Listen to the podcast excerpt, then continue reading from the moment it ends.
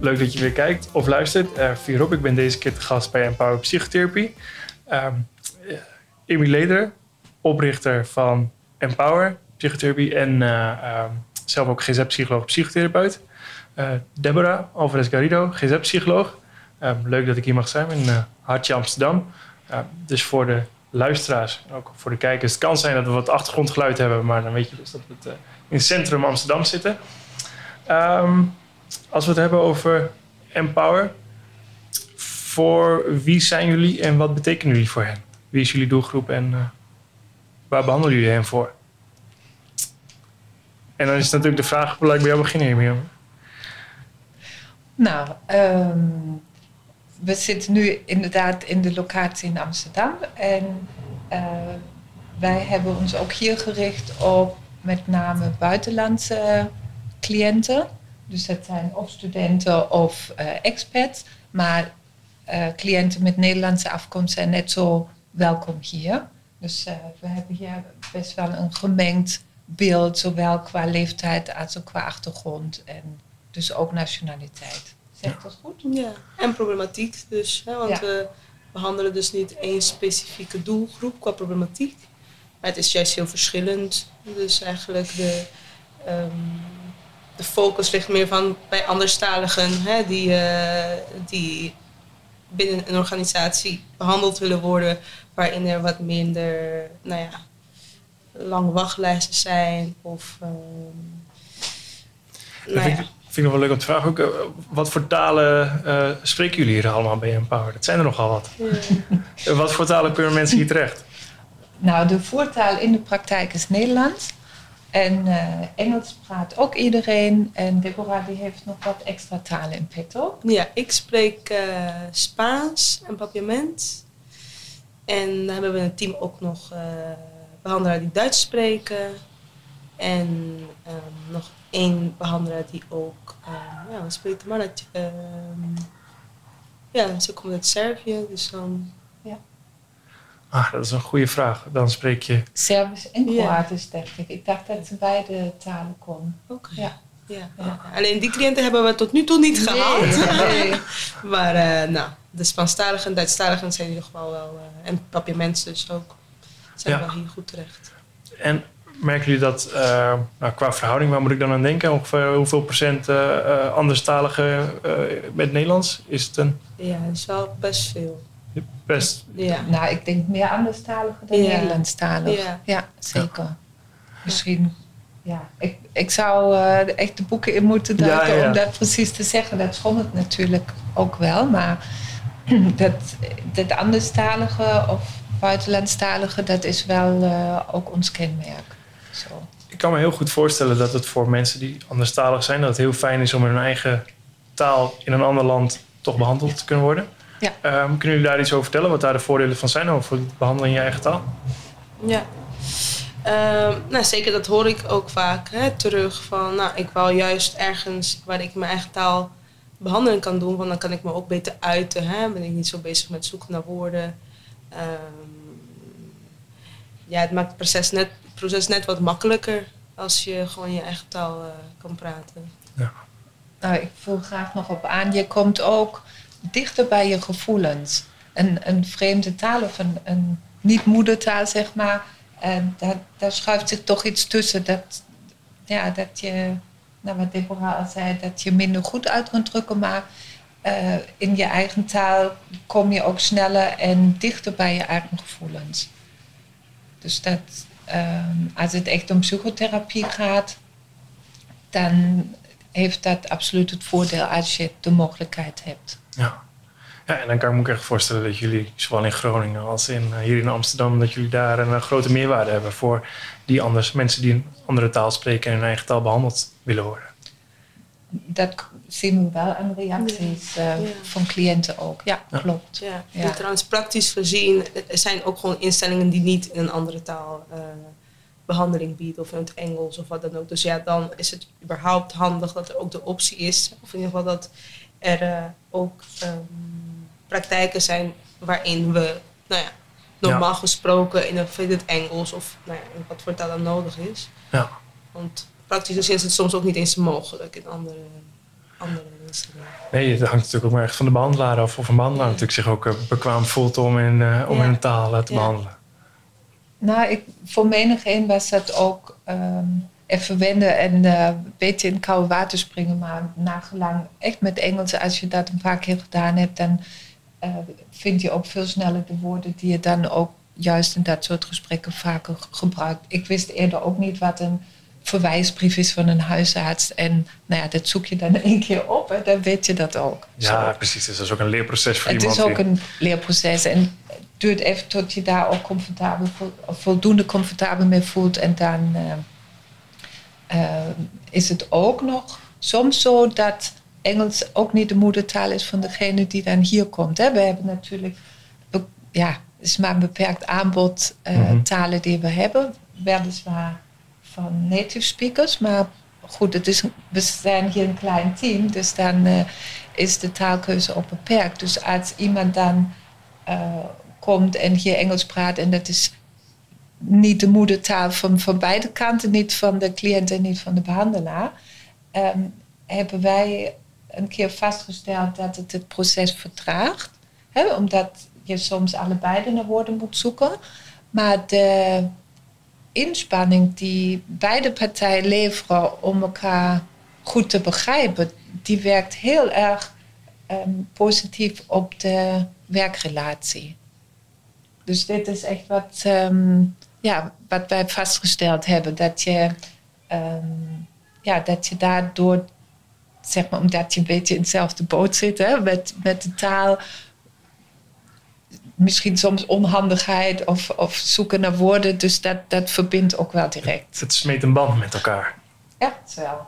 Ja. Oh, dat is wel leuk om, leuk om te horen. Ehm, en ook nog voor jou de vraag, Iwi. Wat was de motivatie om te beginnen met Empower Psychotherapie? Nou, dat waren mijn eigen ervaringen in het werken in grote organisaties. Ik vond dat ehm, de besluitvorming en de eh, in, inspelen op, op wensen of behoeften, dat dat heel erg traag ging. En ik had het idee dat het beter kon. En eh, nou ja, toen heb ik een beetje de stoute schoenen aangedaan. En eh, samen met Johannes, dat is mijn oudste zoon, dan Empower opgericht. Ik was eerst als ZZP'er bezig en het voelde gewoon heerlijk om dan, ehm, ja, zeg maar in die zin eigen baas te zijn en zelf te bepalen van ehm, hoe ga ik mijn praktijk inrichten.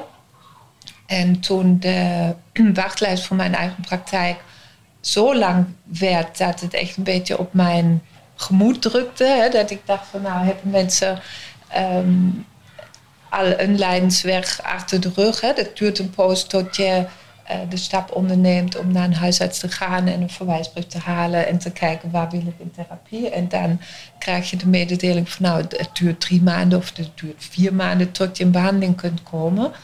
Ehm, wat ik trouwens echt ja, nog steeds erg vind. Hè. Ik vind als iemand ehm, nood lijdt en klachten heeft, dat hij eigenlijk veel sneller geholpen moet worden. Maar goed, op dit punt dan eh, is het idee ontstaan om versterking in te roepen en dan op die manier Empower op te zetten. Wat, eh, Ja. wat mooi om te horen. Eh, Want eh, versterking te roepen, inmiddels heb je al behoorlijk wat versterking. Jullie zijn natuurlijk nog niet zo groot als, de, als, als de, de meest bekende organisaties. Maar hoeveel mensen werken op dit moment bij Empower Psychotherapie? Misschien wel een leuke vraag voor jou, Deborah. Hier in Amsterdam zijn we met vijf therapeuten. Vijf En therapeuten. dan hebben we nog ook ehm, freelancers als vaktherapie, die vaktherapie geven, dus non-verbale therapie. En die zijn er vier, als ik me niet vergis, toch? Als je ehm, Vaktherapie en ook nog eh, een verpleegkundig specialist, Klopt. inderdaad. Oké, verpleegkundige specialisten zijn ook nog verbonden aan. Ja. Ja. Ja, als je, we behandelen ook in de SGGZ, dus gespecialiseerde GGZ. En ehm, we vonden het dan onwenselijk, zeg maar, als de vraag eh, komt met betrekking tot medicatie, dat we dan niet iemand ook nog verder zouden kunnen helpen. Dus we hebben gelukkig een eh, verpleegkundig specialist gevonden voor medicatie. En die drie vaktherapeuten die Deborah aanspreekt, dat is dus een eh runningtherapeut, een ehm, even kijken, PMT'er Ja, En de vierde is uh, drama. En creatieve therapie. creatieve therapie. Beeldend. Ja. ja. En dat is ook iets waar we van meet af aan op ingezet hebben. Um, in feite, als je zo'n combinatie hebt tussen gesprekstherapie en vaktherapie, vlieg je dezelfde problematiek van twee verschillende kanten aan. En ja, dat is mijn persoonlijke ervaring. Ik ben benieuwd hoe het bij jou is, Deborah. Maar ik heb het idee dat cliënten dan ook veel sneller snappen waar het om gaat. dus um, ja, dat kwartje, nou hebben we geen kwartjes meer, maar het kwartje dat, dat valt sneller.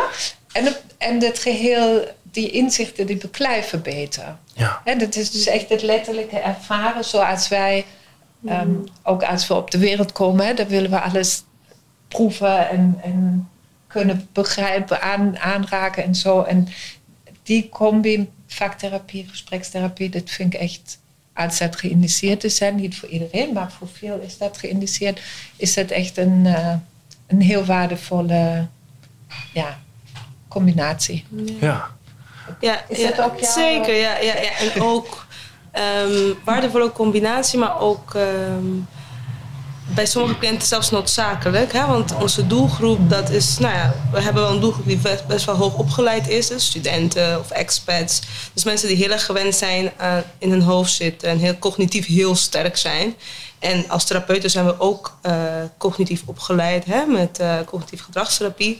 Nou, ja, dus dan kom je weer met allemaal denktermen uh, binnen de praattherapie. En juist bij deze cliënten, die moeten juist even niet praten en gaan voelen. En even gaan zak, uh, zakken in hun lijf.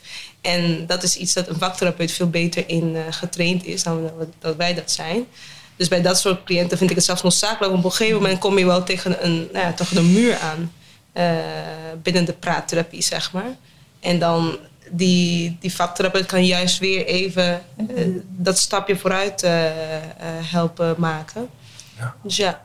In, in, feite lijkt het echt een blokkade zeg maar, tussen hoofd en, en het lijf. Ja. zodat die verbinding niet meer goed stroomt of dat die onderbroken is of geblokkeerd is. En met vaktherapie krijg je dat een stuk sneller los of überhaupt los en in gang. Ja. Zo, dat, ja, klopt. Ja, ik, we hebben het soms over kopmensen of hoofdmensen, net zoals kinderen dan um, mensen tekenen. Dus echt zo'n heel hoog groot hoofd en dan een paar van die streepjes voor de rest van, de lijf, van het lijf. Dus zo, hè, dat, dat is eigenlijk zo het beeld wat, we, wat voor menig cliënt dan past. Dat je gewoon zo heel erg de nadruk legt op het cognitieve en je op die manier ook zo lang staande hebt weten te houden, maar op een gegeven moment houdt het op. Ja. Hè, dus en dat puzzelt me dan direct. Want wat is het dan van uit het hoofd komen? Dat mensen iets gaan ervaren. Wat, wat is, hoe, hoe jullie zijn natuurlijk niet de vaktherapeuten, maar uh, hoe, hoe, werkt dat voor iemand dan dat iemand dan zoiets ervaart dat hij denkt van oh, uh, zo werkt het dus? Of hoe kunnen jullie daar iets over vertellen? Hebben jullie daar misschien ook een mooi voorbeeld van? Wat hun ervaring is binnen de vaktherapie? Ja, en wat ze dan precies doen. Wat, wat maakt dan ook dat ze dan uit hun hoofd komen en dat ze dan ja. rust ervaren? Of? Ja, ze worden stilgezet in. in uh, tenminste, ik ben niet de vaktherapeut, maar volgens mij worden ze veel meer stilgezet in wat hun ervaring is door het middel, door middel van bepaalde oefeningen. Wordt heel erg veel meer nadruk gezet op wat gebeurt er in jou en daarbij stilstaan. Ja. En hoe dat is, ja, voor sommige cliënten is dat heel verwarrend, want dat hebben ze, nou ja, doen ze bijna nooit en hebben ze wel even de tijd om in te komen. Um,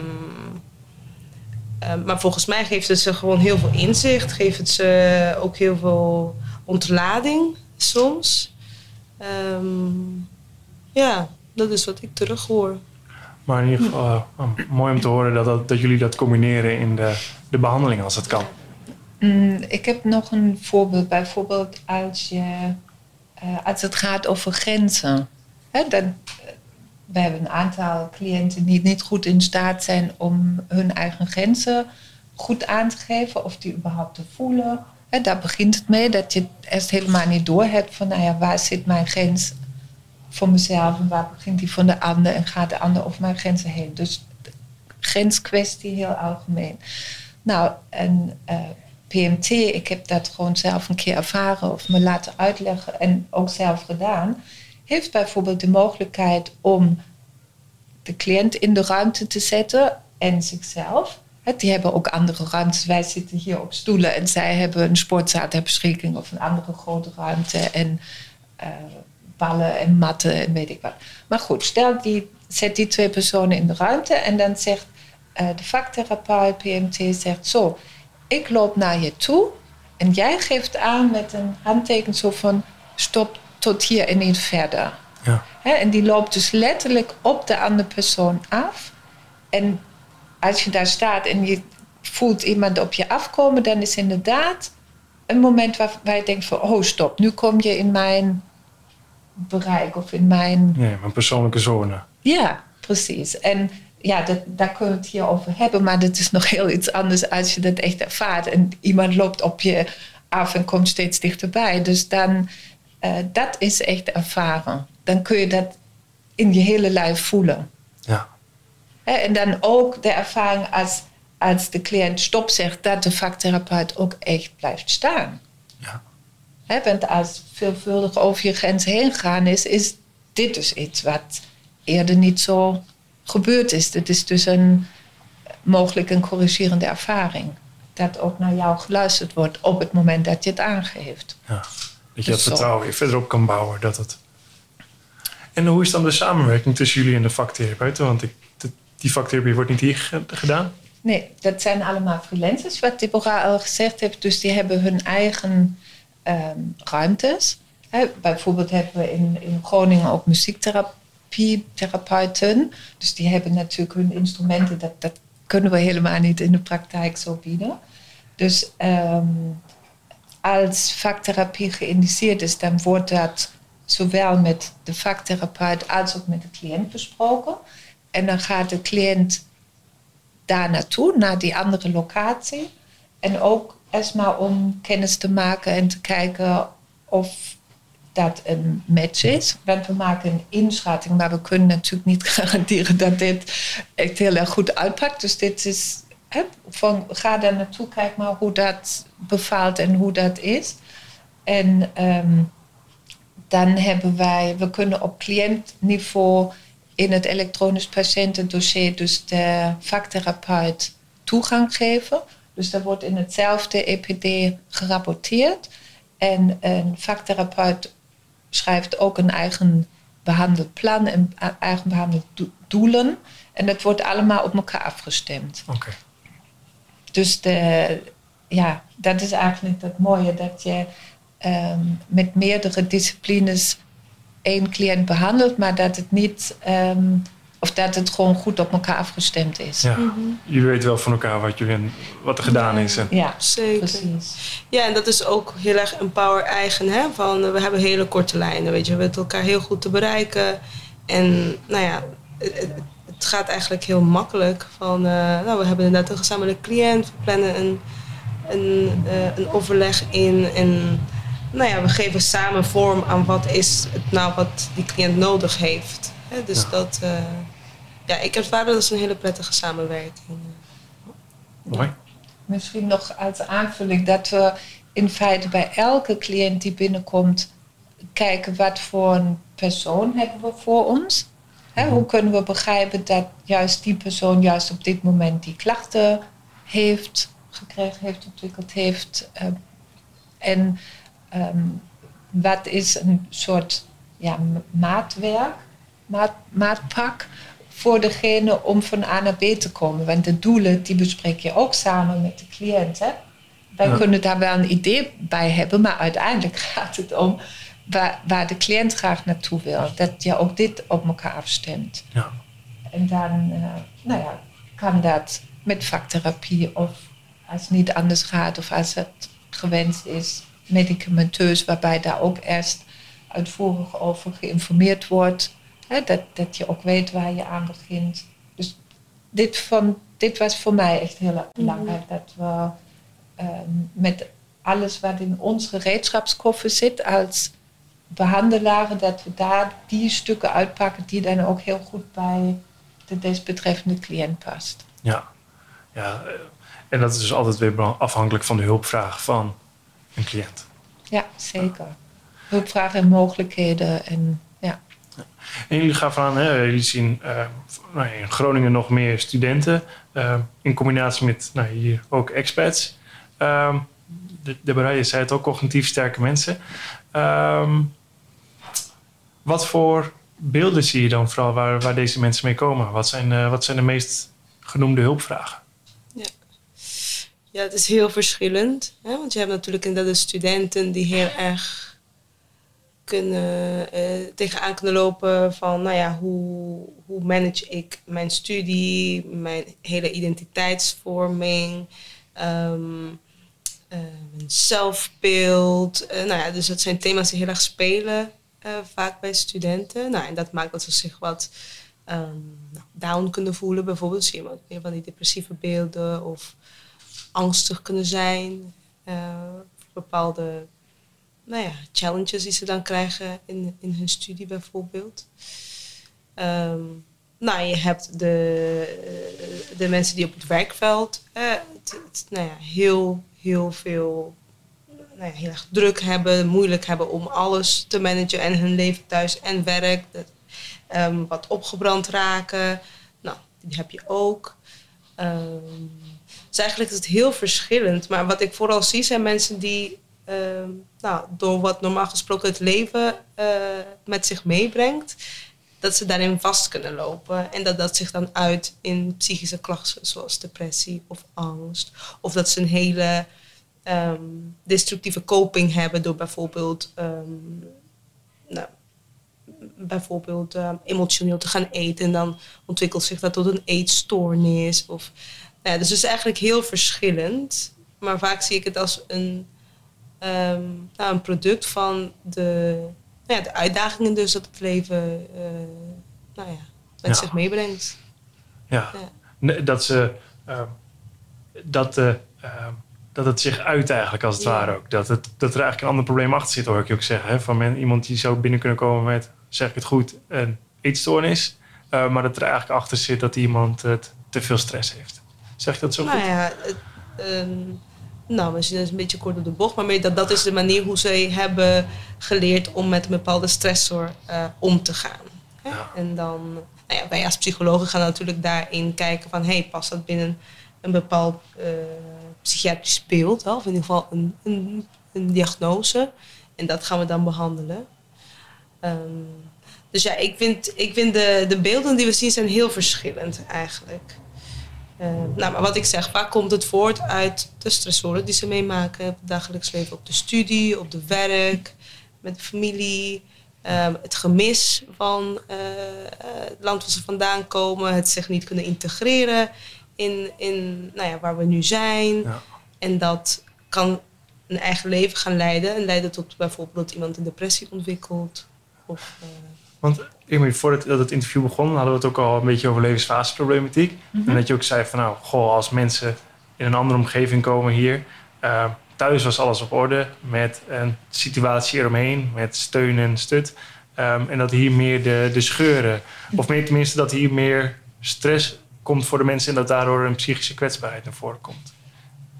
Ja, stel dat iemand in land van herkomst, um, dat er al ik noem het een haarscheuren in het fundament zitten. Op grond van de levensgeschiedenis wat zich toen al een keer voorgedaan heeft. Um, dan merk je daar vaak niks van op het moment dat iemand nog in de thuissituatie zit. Mm -hmm. hè, met vriendengroep daaromheen, sociaal netwerk, ouders, zo. Maar als dan te veel zaken op het bordje komen, een verhuizing, uh, ineens zelfstandig wonen, dan, dan komt er toch heel wat bij kijken om uh, goed voor jezelf te zorgen. Uh, vaak, ik, ik, pak even de studenten in Groningen, zijn het natuurlijk allemaal um, nieuwe dingen die menig een dan ook allemaal zou willen ontdekken. Aan de nieuwe vrijheid tot en met drugsgebruik aan toe, of alcohol, of seks, of whatever. Um, plus de we hebben hier ook vaak mensen die hele hoge eisen aan zichzelf stellen. Klopt. perfectionisme daarbij. Um, nou, als je dit allemaal op een hoop veegt, hè, dat betekent dat er nogal iets van iemand gevraagd wordt. En dan heb je te maken met draagkracht en draaglast. En als dat uit balans raakt, en dat zien we dus ook wel vaak, dan, nou ja, dan begint het met um, overwerkt raken, uitgeput raken, um, nou, tot richting een depressie ontwikkelen. ja. ja. Ja, en dan heeft het zich, als ze bij jullie komen, heeft het zich al geuit in een, psychische, in een psychisch lijden. Mhm. Sorry, ik verstond het niet. Nog en als, en als al die stressoren bij elkaar komen, voordat mensen bij jullie komen, dan uit het zich in een psychisch lijden. Ja. Uh, van depressie, ja, dan, angst. Dan, dan krijgt iemand dat niet meer op eigen kracht voor elkaar. Want, nou ja, eerlijk, iedereen die krijgt uh, uitdagingen, zeg ik maar, op zijn levenspad. Hè? En de een um, die, die kan het prima aan. En maar nogmaals, als het te veel wordt, dan, uh, dan is het wel fijn om hulp te hebben, ondersteuning te hebben, om dat dan ja, zeg maar gestructureerd aan te gaan of um, keuzes te maken. Hè, dat is soms ook uh, helpend, maar in ieder geval ook helder te hebben van hé, wat, waar sta ik eigenlijk? Waar, waarom is dit gebeurd? Hè, dat helpt natuurlijk ook dat, dat we beginnen met psycho-educatie of iemand ja, zeg maar, ik, ik, noem het soms spaghetti. Hè? Zo om dan die sliertjes uit elkaar te halen en te zeggen van nou kijk maar dit en dit en zus en zo. Had jij allemaal op je bordje liggen. En als het geordend is en je denkt oké, we beginnen bij één en we eindigen bij de laatste, dan is het overzichtelijk en dan is het behapbaar en dan kan iemand daar ook voor gaan. Ja. Zo. En dat is wel mooi dat je het zegt, hè? want uh, wat, zijn de, wat is dan de, of heeft Empower ook echt een behandelvisie erbij zitten hoe jullie mensen behandelen? Of is het echt uh, dat jullie per keer bekijken van uh, wat heeft iemand nodig? Nou ja, we moeten ons natuurlijk aan alle richtlijnen houden hè? en dat doen we ook. En, um, maar we kunnen vaak net nog iets extra's bieden. Bijvoorbeeld um, nou, ik wil niet te vaak nou Groningen aanhalen, maar goed, daar is Dit is waar, waar, ik natuurlijk werk, dus daar moet ik even op, uh, op terugvallen. Bijvoorbeeld, hè, dat, dat als je merkt van, goh, eh, het gesprek komt niet goed op gang of iemand zit wat vast. Nou, dan ben ik voorstander van, als dat kan, hè, zo van nou, ga dan met iemand een blokje omlopen wij zitten in Groningen op locatie waar dat goed kan en waar je ook um, met alle privacy dan een gesprek kan voeren. En dan loop je naast elkaar. Dan is, ja, we zitten hier natuurlijk ook niet paal tegenover elkaar, maar dat maakt het toch nog anders. Je bent in beweging en dan merk je ook dat cognitief iets gebeurt. Dat iemand die dan vastzit toch ook loskomt en een gesprek op gang komt, bijvoorbeeld. Ja. Zo.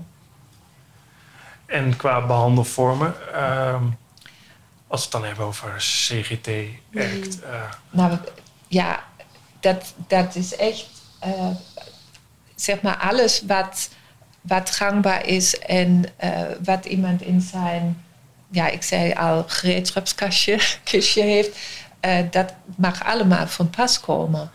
Um, wij hebben nu ook een groepsaanbod dat vinden we bijvoorbeeld ook absoluut een toegevoegde waarde.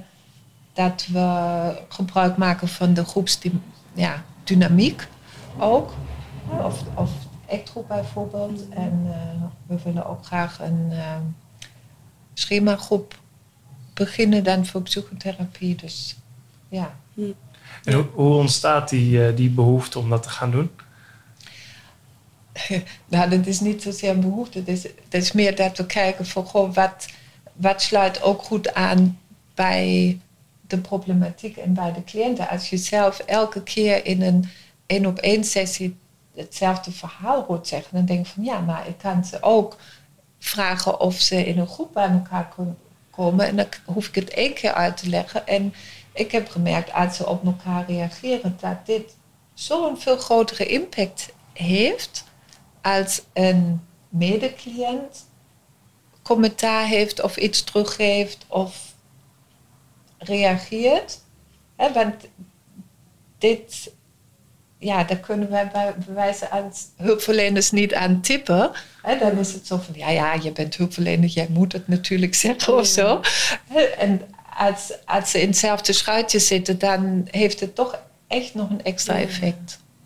En wat is dat dan? Dat, dat als je een groep bij elkaar hebt, dat je zegt van dan kun je als behandelaar niet aan tippen als het van elkaar hebben. Ja, Kun je daar de vinger op leggen? lotgenotencontact, weten dat er andere mensen zijn die ook hetzelfde meemaken. Ja, dan ben je niet de enige die, eh, die met die gedachten rondloopt. Het kan eigenlijk heel veel rust geven om te snappen van, oh wacht nog eens even, iemand anders die maakt hetzelfde mee. En ik kan, we kunnen ook van elkaar leren, want iedereen heeft zo'n beetje bedacht van, hé, hey, hoe ga ik hiermee om? Dus ik denk dat dat wel zeker toegevoegde waarde heeft. Nou, en vaak hè, zien ze dat niet aan de, aan de aard. Van, huh, jij? Ja. Bewijzen Oh, van? Ja, Hè, zo van, ja. oké, dus ik ben niet zo inderdaad uniek in die zin. Ja, Er zijn Ja. meer mensen met dezelfde problemen. Ja, Ja, zeker. zeker. En ik ben natuurlijk geen behandelaar, dus dit is maar gewoon mijn logische verstand, deze gedachte. Ehm, maar ik kan me ook voorstellen dat het soms, dat heb ik ook wel, moeilijk is om kritisch te zijn op jezelf. Terwijl als je het bij een ander kun je het makkelijker zien en dan tegelijk denken, oh wacht eens even, maar ga ik die niet diezelfde denkfout of doe ik dat ook niet fout? Dus dat het ook wel eerder te herkennen is bij een ander, waardoor je het bij jezelf verder sneller ziet. En dan is jullie ja, de vraag ja. of dit nou een hele gekke gedachte is. Nou, eigenlijk zijn we vaak heel goed in staat en zijn onze cliënten heel goed in staat in zien bij iemand anders van goh, dit zou je wel anders kunnen doen of eh, je bent wel heel erg streng voor jezelf. Nou, eh, er zijn helden in, die, die, die snappen dat allemaal heel goed. Alleen voor zichzelf is het heel erg lastig.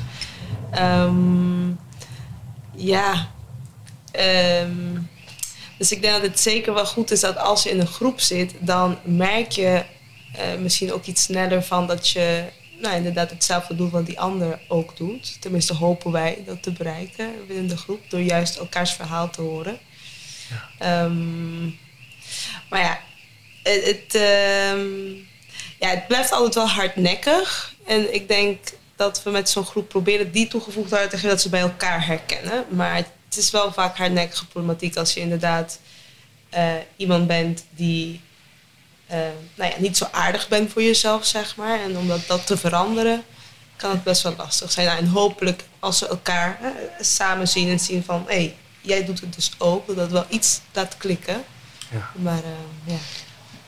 Nou, nog zo'n voorbeeld. Ehm, ik, ik denk dat de meeste mensen dat bij zichzelf herkennen. Dat we heel goed in staat zijn om voor een ander goed te zorgen. Ja, Hè, zo, maar als het dan op jezelf aankomt, dat je echt iets moet doen, goede zelfzorg beoefenen voor jezelf. Dus dat is een stuk moeilijker. Ja.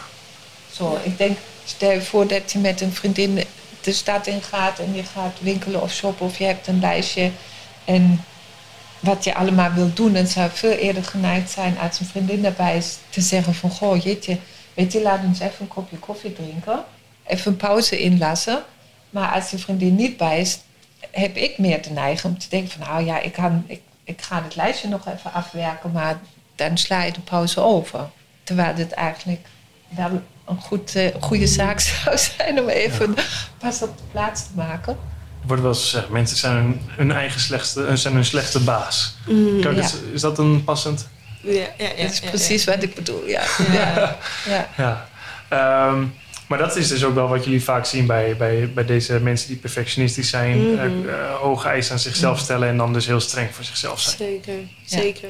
En ja, je vroeg net waar, waar ontstaat de behoefte van zo'n groep. Nou, wij hebben dus, onze eerste groep is dan de, de ACT-groep. En ik denk dat, dat werk, die werkvorm, dat past ook heel goed bij specifiek deze doelgroep. Want ehm, nou, de ACT, dat is en heel praktisch, wat, wat onze cliënten eh, fantastisch vinden. Hè? Want ja, je krijgt gewoon hele duidelijke tools om mee te werken.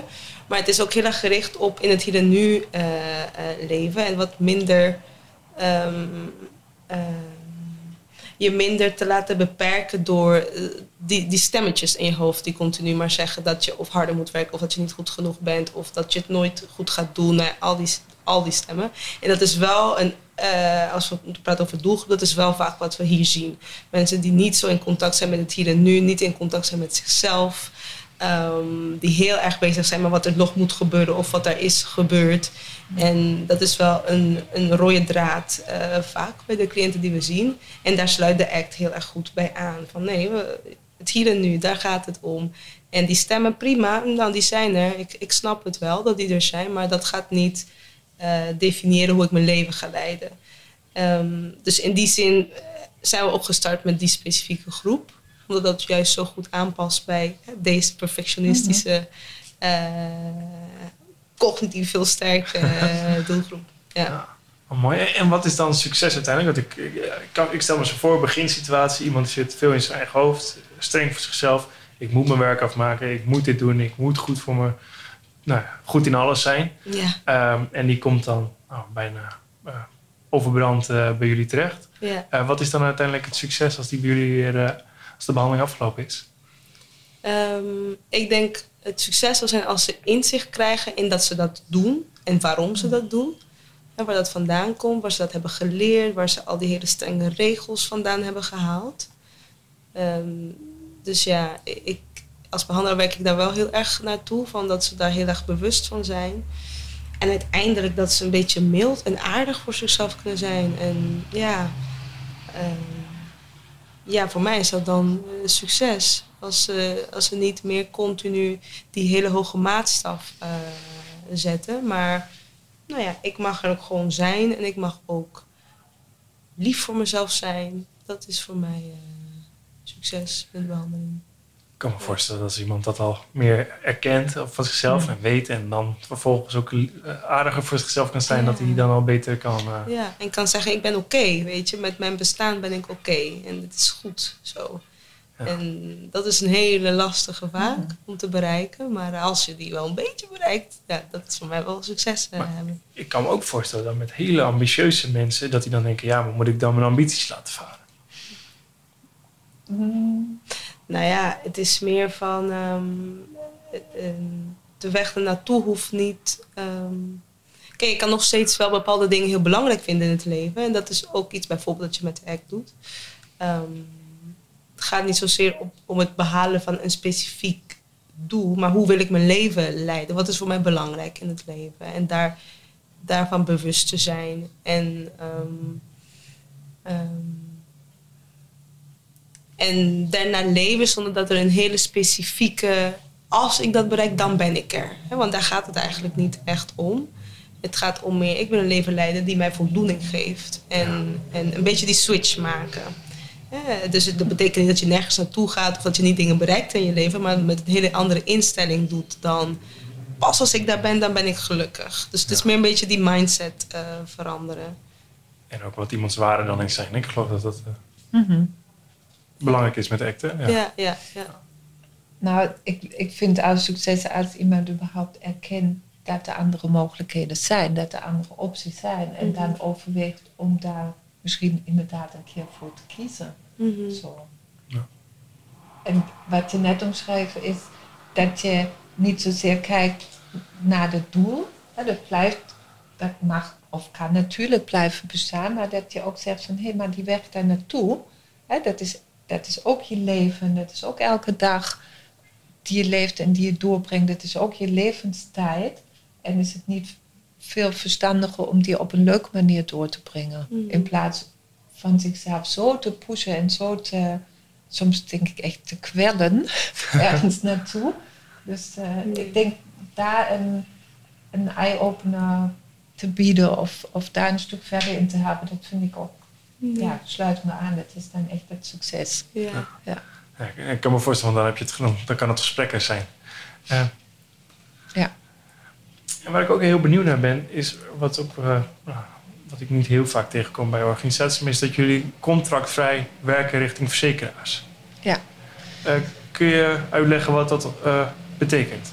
Ja, nou, we hebben daar van meet af aan heel bewust voor gekozen, omdat nou, ik zeg van meet af aan. Ik had in mijn eigen praktijk had ik denk ik één jaar lang wel contracten afgesloten, gedeeltelijk. En toen heb ik gezien welke aanvullende eisen zorgverzekeraars gingen stellen. Dus aanvullend op de wettelijke eisen waar we sowieso aan moeten voldoen. En um, nou, dan voelde dat, of dat, ja, oké, ik hou het bij voelen, voelde dat dat de verzekeraar op mijn stoel als behandelaar ging zitten. Door te zeggen van je mag maar zo en zoveel uren dan vaktherapie ehm, bij die cliënt toestaan. Of, of nou ja, allerhand regels en subregels. En ehm, ik wou dus juist die vrijheid die ik gekregen heb door me zelfstandig te maken, die wou ik dan niet alweer door een ziektekostenverzekeraar beknibbeld zien. Ehm, dus ik dacht, ik, ik waag het erop om te zeggen, ik sluit geen contracten af. En ehm, dat werd wel wat vergemakkelijkt, omdat we ehm, veel cliënten hebben die dus in het buitenland verzekerd zijn. Dus dan heb ik ook natuurlijk niet met, met uh, Nederlandse verzekeringen te maken. Dus, dus dat is, ja, um, ja, ik ben ook een beetje benieuwd hoe Deborah dat voelt. Maar ik, um, ik weet dat wij qua mogelijkheden nu het optimale eruit gehaald hebben wat het inrichten van de therapie betreft. We zijn niet, um, zeg maar, gehinderd qua aantal uren vaktherapie of, nou ja, zo. Nee. En ja, ik weet niet of je die vraag kan beantwoorden. Of je een keer zo in een constructie gewerkt hebt met contracten. Maar...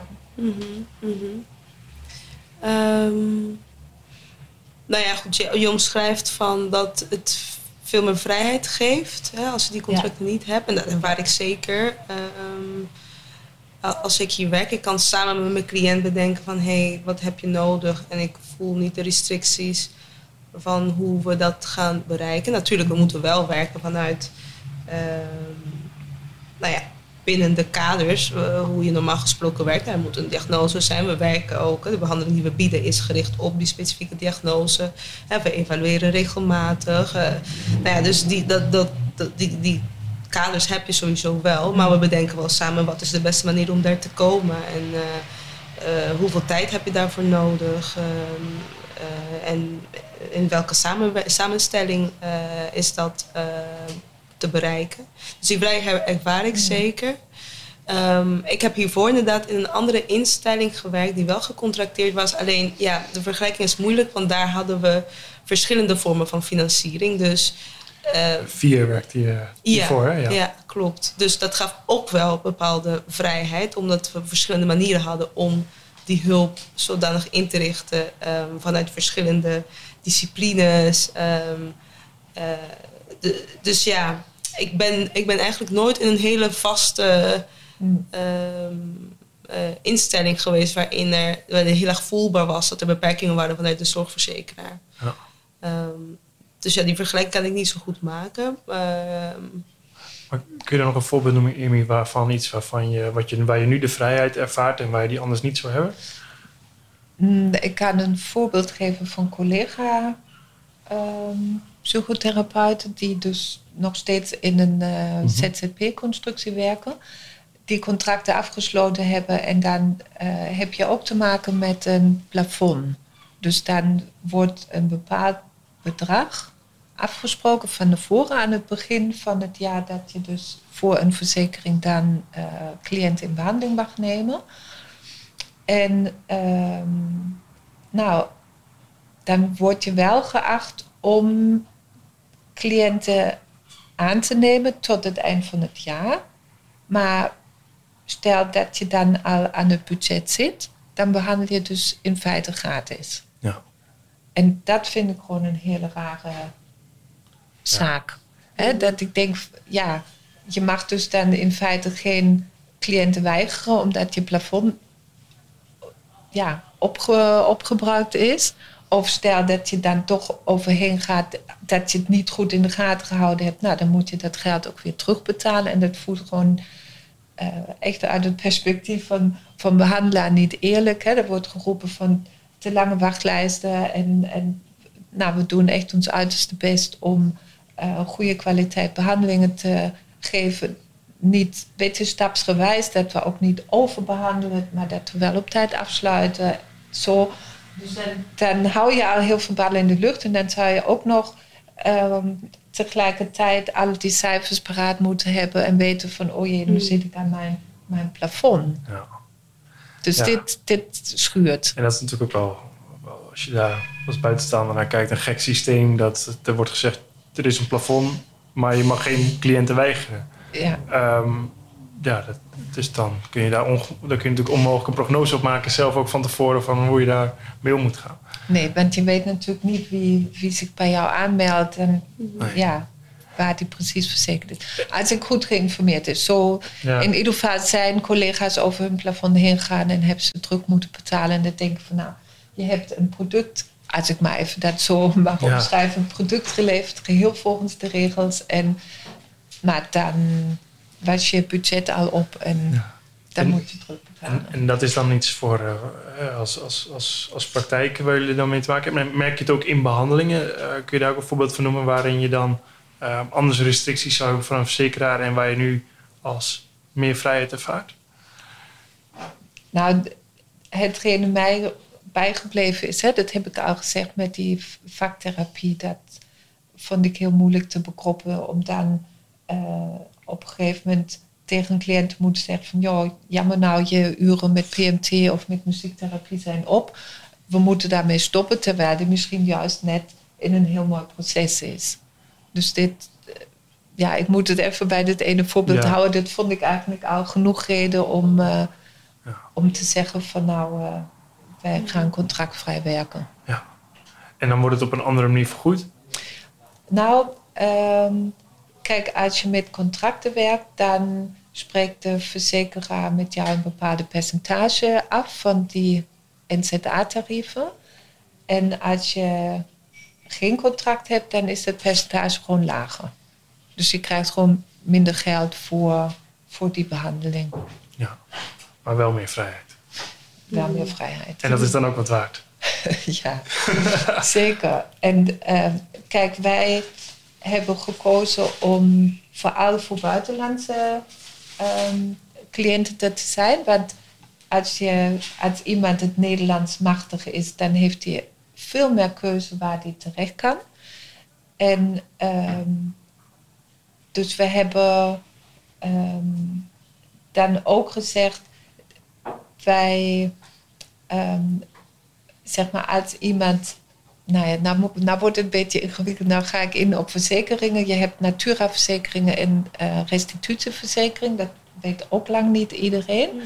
Maar restitutie betekent dat je vrije keuze hebt. Dat je ehm, naar elk ziekenhuis, naar elk behandelaar, zeg maar, die aan de eisen voldoet, naartoe mag gaan en hulp mag zoeken. En dan wordt, eh, wordt dat vergoed. Een Natura-verzekering betekent dat je naar behandelaar mag gaan waar dus een contract met die ziektekostverzekeraar afgesloten is. Dan krijg je dus therapie, maar dan heeft de verzekeraar voor jou een keuze gemaakt of die heeft bepaalde therapeuten onder contract genomen. Ehm, en de restitutieverzekeringen zijn over het algemeen net wat duurder dan de Natura-verzekeringen. En ehm, als het richting einde van het jaar gaat, dan ehm, maken we cliënten daarop attent dat zij ook voor een restitutieverzekering zouden kunnen kiezen. Ehm, omdat, zeg maar, als iemand beslist naar ons toe wil en die heeft een Natura-verzekering, dan vragen wij om dat resterende bedrag wat wij mislopen aan te vullen. Ja. Dus Ja. dat is de keuze die, ehm, die wij gemaakt hebben. En dat is dus ook wel mooi om te zien dat jullie de vrijheid hebben gekozen als behandelaren. Van, hè, wij willen graag doen zoals wij het graag willen doen. Ehm, maar die keuze is er voor de cliënt ook. Ehm, Afhankelijk van welke verzekering die kiest. Ja, ik denk, kijk, dat, dat wettelijke verplichte eigen risico, daar kan niemand iets aan doen. Dit, dat ben je overal wel dan Ja. kwijt. En ehm, ik denk, we bieden wel, zeg maar, zoveel voordelen daardoor dat we geen hele grote organisatie zijn. Hè. Het gaat bij ons nou, een beetje in aanhalingstekens huiselijk aan toe. We hebben, ehm, nou, we zijn, ik denk, dit was vroeger een woon, woongebouw. Hè, dat was geen kantoorpand, dus dat, dat zie je ook wel aan, aan de kamers en aan de inrichting. Dat heb ik daar toch ook wat op afgestemd. En uh, nou ja, wat, Deborah ook al zei, de lijnen zijn heel kort. Als het is, dan kunnen we sneller schakelen als bijzonderheden zijn. Of bijvoorbeeld um, was van een cliënt de medicatie op en uh, was, nou ja, was de vraag van heeft ze nog wel of niet een recept liggen en dan pakken we dat wel direct op en dan kan ze de volgende dag kan ze medicatie weer in de apotheek ophalen. Ook al was net even haar hier de verpleegkundige specialist een week met vakantie. Zodat, ja, ja. daar gaan we echt op patiëntniveau wel uh, schakelen en in actie komen. Zo. Dat is in ieder geval mooi en goed om te horen. Mm -hmm. um, we hebben de hele uitzending eigenlijk nog niet over gehad, maar de reden van deze, van deze videopodcast is ook omdat er een vacature is voor klinisch psycholoog. Ja. Dus dat er iemand uh, welkom is om, om jullie te versterken.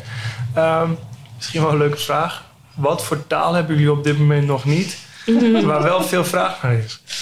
Oh. Veel vraag. Nou, we hebben wel heel veel, uh, heel veel.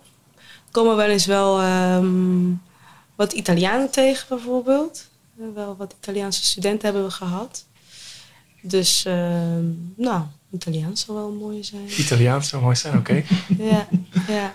Fransen hebben we ook wel. Kijk. In de, ja, Franse studenten heb ik zelf ook wel gehad. Um, ja, dat zou wel ook mooi zijn. Ja. Oké, okay, dat is goed. Er vallen er heel veel mensen af. ja.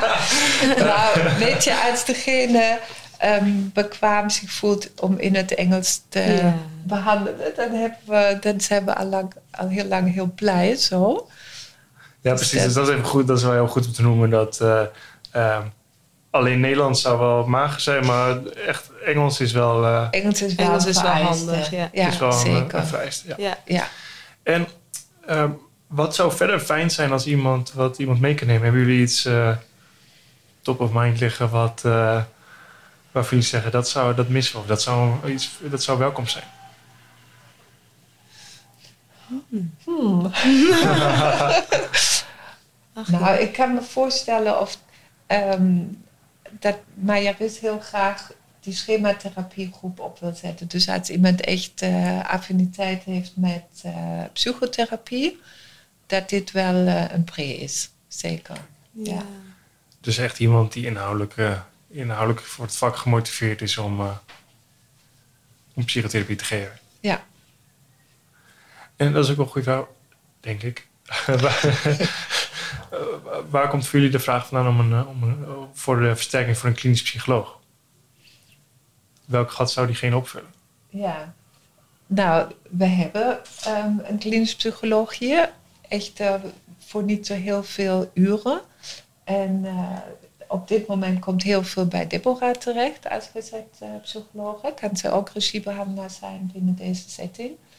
En um, ja, ik, ik denk voor extra inspiratie en input en ondersteuning um, is dit gewoon heel fijn als hier nog een klinisch psycholoog komt. Weet je, nog meer een sparringpartner en mm. um, ja, voor overleg, maar ook omdat we een extra lange wachtlijst hebben voor um, complexe en ernstige, uh, of cliënten die complexe en ernstige problematiek hebben. Ja. En dat, ja, dat begroot ons ook wel, hè? dat die dan nog langer moeten wachten. Dus daarvoor ja. is het eigenlijk ook. En het zou natuurlijk ook wel mooi zijn om nog een um, collega te, te hebben, KP'er dan, die met expertise komt. Uh, kijk, Marjaris en ik, we komen heel erg vanuit de traumahoek. Dus daar voelen we ons heel erg op ons gemak bij. Mm-hmm. Maar het zou heel mooi zijn als iemand uh, binnenkomt met heel veel expertise wat betreft ontwikkelingsstoornissen bijvoorbeeld of eetproblematiek. Nou, er zijn zoveel ja. uh, hoeken waar wij, uh, nou, het mooi zou zijn om iemand in het team te hebben die daar ook heel veel ervaring en expertise in heeft. Ja. Dus um, ja. Mooi om dat die context ook een beetje te hebben denk ik dat, uh, dat niemand zich nog uh, gedisqualificeerd hoeft te voelen. Uh, als iemand nog niet aan het plaatje voldoet. Want misschien neemt iemand anders alweer wat anders mee. Um, en nog een vraag. Ik, ik noemde het aan het begin. En de kijkers en luisteraars die hebben misschien ook wel wat gemerkt van het achtergrondgeluid. Dat we hier echt in hartje centrum Amsterdam zitten. wat was voor jullie de reden om hier te gaan zitten voor de praktijk in Amsterdam? Ja, ik was er toen niet bij. Dus ik, ik ben gelijk hier gekomen. En ik moet zeggen, ik ben heel blij met deze locatie. Maar ik weet niet hoe het voor jullie... Uh... Nou, toen we hier uh, in Amsterdam gestart zijn... Uh, was het natuurlijk ook wel heel erg spannend of dat zou lukken. En of we voldoende um, cliënten zouden hebben die ons weten te vinden. Dus in het begin hebben we eerst um, op uurbasis... Um, moet even nadenken hoe dat heet. Hmm. Jullie hebben toen eerst iets gehuurd? Ja, nou dat is een huis een, ja, en waar je dan kamers op... Flexibel kunt huren. Ja. Potverdorie, ik kom nou even niet op de naam hoe dat heet. We, we, ehm, hebben een beeld, denk ik. Nou, ook heel mooi bij direct naast het Vondelpark. Flexplekken of zo? Ja, Zoiets is het, maar goed, het heeft nog een bijzondere naam. Misschien kom ik straks op. In ieder geval hebben we, zijn we zo mee gestart, want we konden toen nog niet direct zo vaste ruimte huren. En toen de praktijk begon te lopen, toen werden juist dit flexibele werd opeens duur, omdat we zoveel uren en zoveel dagen dan daar ruimte gehuurd hebben. Um, dat we toen op zoek gegaan zijn naar um, praktijkruimtes. En toen um, nou ja, kwamen deze ruimte op ons pad. En ja, dat is gewoon. Ja, ik, ik vind ze prachtig. Dus ik, uh, ik vond het erg leuk om, om hiervoor te kiezen en, en die ruimtes in te richten en hier de praktijk van te maken. En, ja. en, en wat, is het dan de, het pand wat, wat je prachtig vindt, of is het ook echt de locatie die je mooi vindt? Nou, het gaat ook om bereikbaarheid. En als je hier die Noord-Zuid-lijn hebt en, en hè, iemand die komt met openbaar vervoer, die, die hoeft, weet ik hoeveel meter zijn het, 30, 40 meter vanuit de halte hier naar de voordeur te lopen. Dat vind ik belangrijk. En um, het maakt ook wel uit of je in een, ja, hoe moet ik dat nou zeggen? Waar je welkom geheten wordt. Kijk, als er twee achter is onder het schuin dak op een klapstoeltje. Dat, dat maakt de, de groeimogelijkheid of, of de waardering die je daarmee ook aan een cliënt laat zien, maakt het toch anders. Dus dit, ja, dit speelt ook allemaal mee. Dat we gewoon ook gekozen hebben voor hele comfortabele stoelen. Want wij zitten veel en cliënten zitten veel, dat we gekozen hebben voor, nou ja, dat, dan gaat het op gezondheid, op sta-zittafels voor collega's, dat ze dan ook tussendoor de rapportage staande kunnen doen. Dus we hebben hier mm. wel aandacht aan besteed aan de directe werkomgeving. Ja.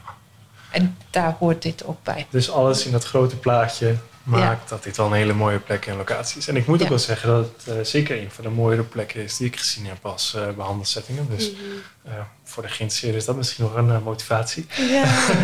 en je zei al, Deborah, dat, dat jij het ook een, een, een, fijne locatie vindt. Want waarom is het voor jou fijn? Ja, nou ja, goed, dat wat Irmi vertelde, die huiselijke sfeer, nou, dat voel ik helemaal. Het is klein maar fijn.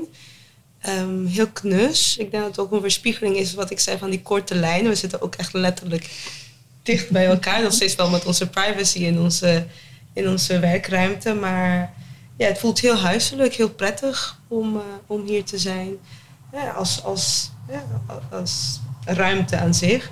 Ja, en de locatie, nou, maar dat is misschien dan iets heel persoonlijks. Maar uh, ik, ik vind Amsterdam superleuk. En uh, ik vind het fijn juist dat als je hier komt, dan ben je in Amsterdam. Hè. Uh, je hoort de treinen of de, de, trams op de achtergrond. Je ziet de toeristen langslopen. Maar dan kom je hier en dan is het wel lekker rustig. En dan ga je naar buiten en dan ben je zo in, in nou ja, wat we allemaal Amsterdam uh, voor kennen. en inderdaad heel bereikbaar, ja, voor iedereen. Voor ons als werknemers, maar ik denk ook onze cliënten die die kunnen het heel makkelijk vinden. Heel, eh, ja. Ook als op de fiets, op de openbaar vervoer, maakt niet uit. Zelfs met de auto op een parkeergarage voor de deur. Dat is allemaal goed. Als ze vrij is. Als ze vrij is, dat is wel... Als er nog plekken zijn, ja. ja. Uh, dat was vandaag even ding, ja. Um, ik, het is me trouwens weer te binnen geschoten. Dat heet Coachhuis. Een coachhuis? Van een coachhuis, daar kun je dus ook online aangeven... op die dag wil ik die ruimte hebben voor ah. zo lang. Dus we hebben de praktijk eerst opgestart vanuit een coachhuis. En toen we daar zoveel volume bewijzen van aan kamers en aan dagen afgenomen hebben. Oh ja, kijk, dat krijg je dan ook nog. Ja, ja, ja. ja, dat het dan bleek goedkoper te zijn om iets te huren. Dan waren we er ook aan toe. Want uh, ja, hier kun je natuurlijk alles laten staan met zo'n flexplek. Dan moet je dan je laptop meenemen en misschien je boeken weer meenemen. Dus, je MDR-lamp onder je arm. Nou, bijna. ja, klopt. Dus uh, dit is wel fijn dat we hier nou echt ook konden settelen. Ja. ja. Oh, mooi. En stel nou dat er iemand is die uh, nu geïnteresseerd aan het luisteren is en denkt: Oh, dat Empower, ik had het nog niet eerder gehoord, maar het lijkt me wel interessant. Wat is voor je een leuke manier om kennis te maken? Hoe, hoe zouden jullie diegene willen uitnodigen? Nou, misschien kan ik vertellen hoe ik hier ben gekomen. Want ik, ik hoor een goed verhaal. Ja, ja, ja, want ik denk van, dat gun ik ook aan alle andere mensen die hier komen te werken het ging nogmaals, zoals ik zei, heel gemoedelijk. Het was van, goh, wie ben je? Kom eens langs om ons te ontmoeten. En ik zat gelijk aan tafel. We zijn ook een klein team, maar ik zat gelijk aan tafel met mijn collega's. Of wie mijn collega's zouden worden. Uh, en we hebben samen geluncht. En uh, had ik helemaal niet eens verwacht.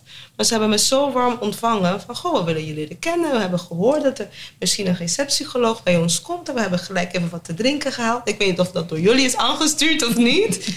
maar ik ben zo fijn verwelkomd. En um, nou ja, ik zou ook zo weer mijn, uh, mijn volgende collega... Want je leert de persoon kennen en niet een cv. Dus ik denk dat dat ook het grootste verschil is.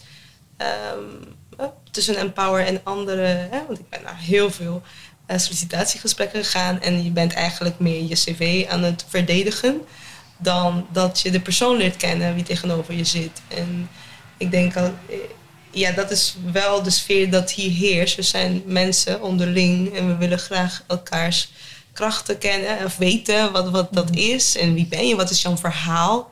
heel nieuwsgierig naar wat, wat is ons, ons verhaal. En um, ja, ik hoop dat we ook wel in die setting um, onze toekomstige collega eh, komen te ontmoeten. Leuk. Ja, ja en daar werd dus ook van, ik kan me ook voorstellen dat qua oriëntatie, dat soms kom je er ook achter dat, dat het misschien net niet klikt. Ja. Maar dat het dan ook gewoon wel fijn is, dus dat, het, uh, dat je kunt oriënteren met elkaar. Dat je ja, zeker. Uh, dat, iemand, dat als iemand zich komt, dat iemand niet, zich niet verplicht hoeft te voelen dat hij direct. Uh, ik denk het is de kunst, hè, omdat het juist een klein team is, dat het ook echt past. Van beide kanten past. Hè. Ik kan me ook voorstellen dat menige een daarvan griezelt.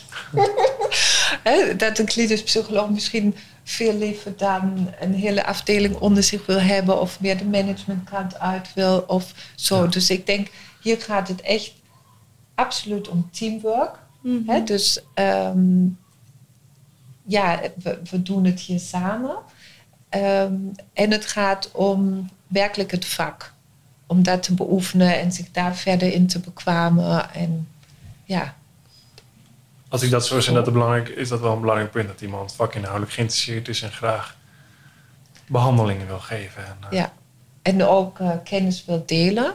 Want ja, ik ken niet anders, weet niet beter dat iedereen hier echt gretig is om de eigen kennis en expertise te vergroten. Mhm. Dus als het iemand is die dat ook fijn vindt om dat te delen en mede te delen en ja, door te geven, dat is. Hebben jullie daar manieren voor hoe jullie dat hier eh, met elkaar doen?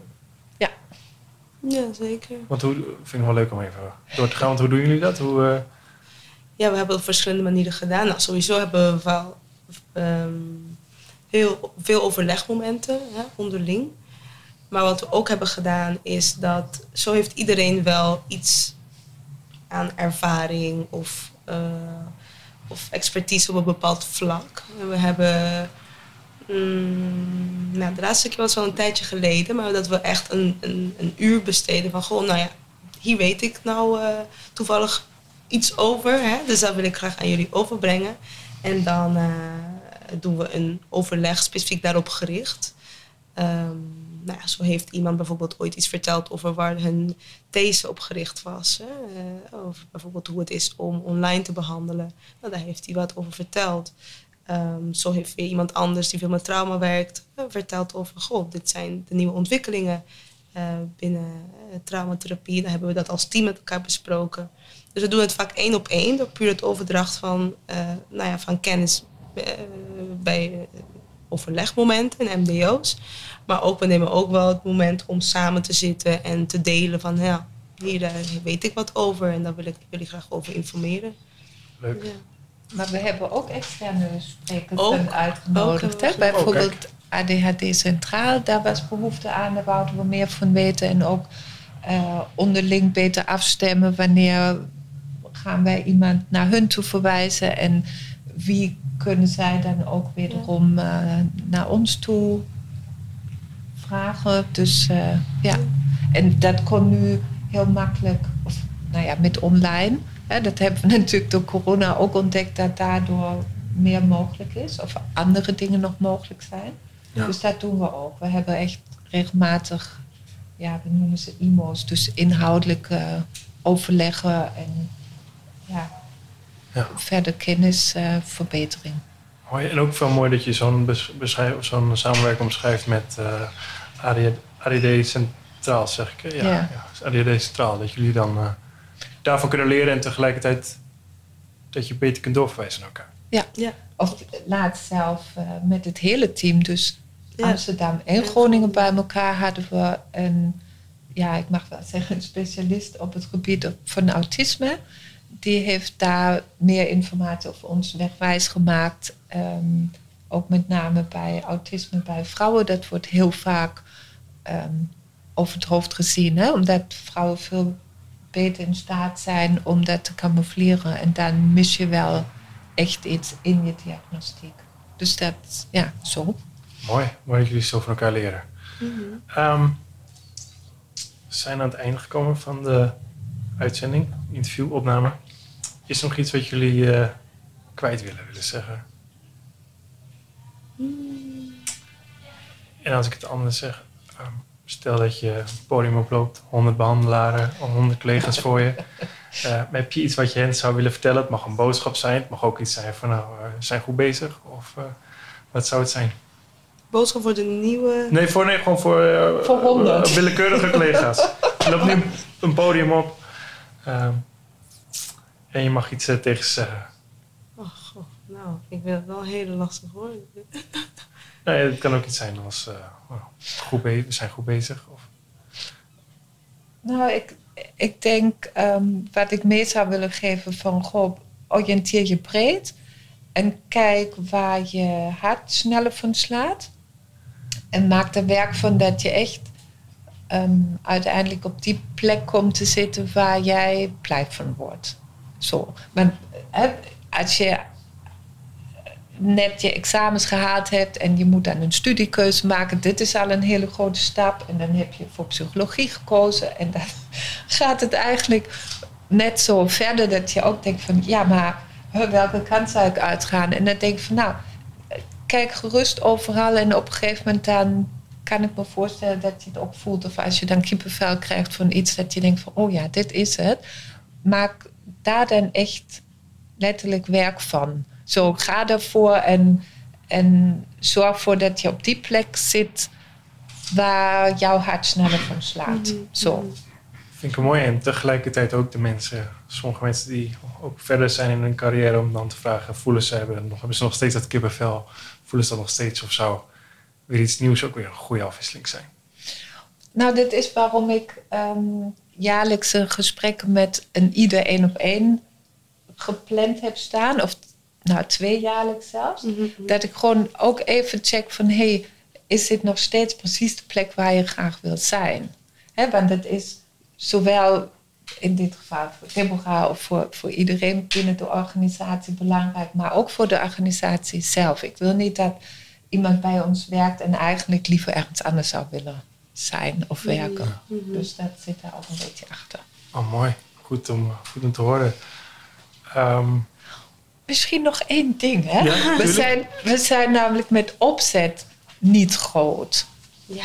Hè, dat, dat is denk ik nog belangrijk om te zeggen. Ik, ik wil echt een soort menselijk maat hebben. Ik wil iedereen die bij Empower werkt met naam en toenaam kennen en ook achtergrond weten. Dus daar is dan ook ergens een, ja, een, een grens in, in wat ik kan. Maar ook vind ik dat voor ieder fijn om te weten van... hé, met welke vraag kan ik bij welke collega terecht? Dat, dat je gewoon echt voor elkaar weet. Ja. Zo, en ik denk dat is ook ergens de kracht. Dat je gewoon, wat Deborah net ook zei... dat je weet, wat heeft iemand in huis... of misschien ook van, oh, waar moet ik bij iemand niet mee aankomen? Hè? Zo.